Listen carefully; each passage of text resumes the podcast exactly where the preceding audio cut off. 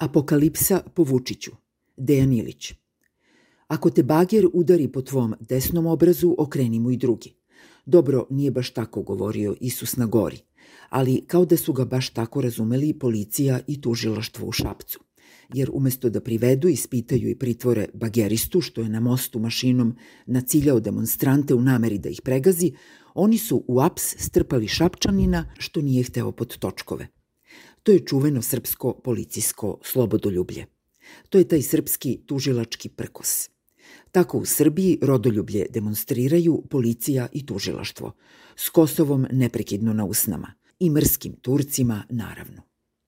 Od Kosovskog zaveta pak nije ostao ni kamen na kamenu, a Mačva izgleda nema potencijal da se kandiduje za novi zavet, mada ustalo se i za Mačvu. Ali država, dakle Vučić kaže, Mačva je na prodaju, trlja ruke. Od prodaje mačve dobro ću zaraditi, kao što zarađujem i kada druge delove Srbije prodajem kinezima. Ja sam najveći rodoljub i najveći trgovac u Srbiji.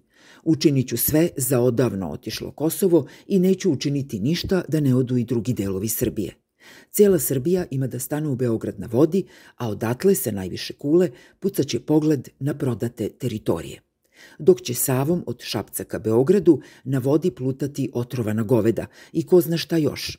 To će se zvati apokalipsa po Vučiću. Žitelji Srbije pak odbijaju da žive apokalipsu, ne daju da se Srbija rasparča. U nekim drugim normalnijim srećenim zemljama tako bi se manifestovao patriotizam. U Srbiji pak to se naziva izdajom. U nekim drugim normalnijim srećenim zemljama policija i tužilaštvo bili bi na strani patriota, ali policija i tužilaštvo u Srbiji patriote gone kao izdajnike. Ljude koji ne daju na sebe hapse i istražuju jer nisu pristali da budu pregaženi. U Srbiji policija i tužilaštvo kao rodoljuba štite velikog trgovca – da li su se to policija i tužilaštvo zajedno s trgovcem upustili u prodaju zemlje. Srbija nije kolonija. Srbiju nisu kolonizovali ni Rio Tinto, ni Kinezi, ni Rusi svojim gasom. Drugo su kolonije. One su bile osvajane. Strane imperialne trupe su čuvale i branile ustanove kolonizacijskog izrabljivanja – nema stranih trupa na teritoriji Srbije. Strane trupe na teritoriji Srbije danas su postali domaća policija i tužilaštvo. Dobrovoljni kolonijalni upravnik Srbije, satrap ili gubernator, to je Vučić kada se lažno predstavlja kao predsednik Srbije. Negde drugde, neki drugi ljudi, ne tako srećni, kažu, recimo, da životi crnih ljudi vrede, ali tamo sud goni policajce koji prema boji kože različito vrednuju živote. Kako se to kaže u Srbiji da svi životi jednako vrede? Kako u Srbiji goniti bageriste i policajce koji gone ljude koji odbijaju da budu pregaženi kada tužilaštvo misli da je život bageriste daleko vredniji od života onih koje bi on mašinom da pregazi. Sto mrtvih za bageristu, kliče Vučić. Za bageristu, odgovaraju policija i tužilaštvo. Koliko vredi život u Srbiji? A koliko bagerista spreman da gazi ljude?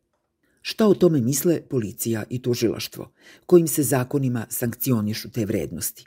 Ako ih još nema, da li će sluge gubernatorove ponovo dizati ruku u Skupštini za neki novi zakon koji će regulisati imunitet bageriste?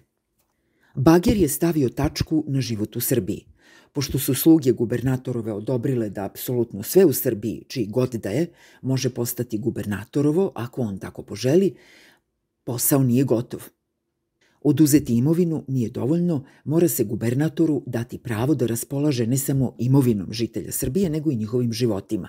Novi zakon bi to mogao ovako formulisati.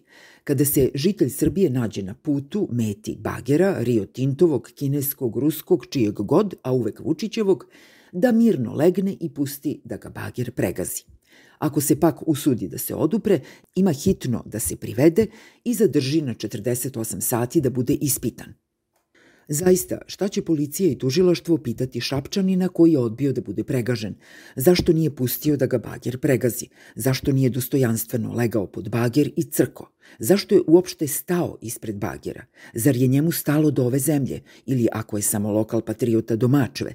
Toliko da ne samo da pred bagerom neće da se skloni, već će se na bager popeti i zaustaviti ga. Što da ne, možda će ga zaista to pitati, jer policiji i tužilaštvu to osjećanje privrženosti zemlji ili barem kraju nikako nije jasno, pa bi oni možda voleli da im to neko objasni. Zato u ostalom nisu ni priveli ni zadržali bageristu. Oni njega niti šta imaju da pitaju, niti on ima šta da im kaže. Jer sve što zna bagerista, znaju i policija i tužilaštvo. Kolaboracionistički, poslušnički um uvek je i svuda isti.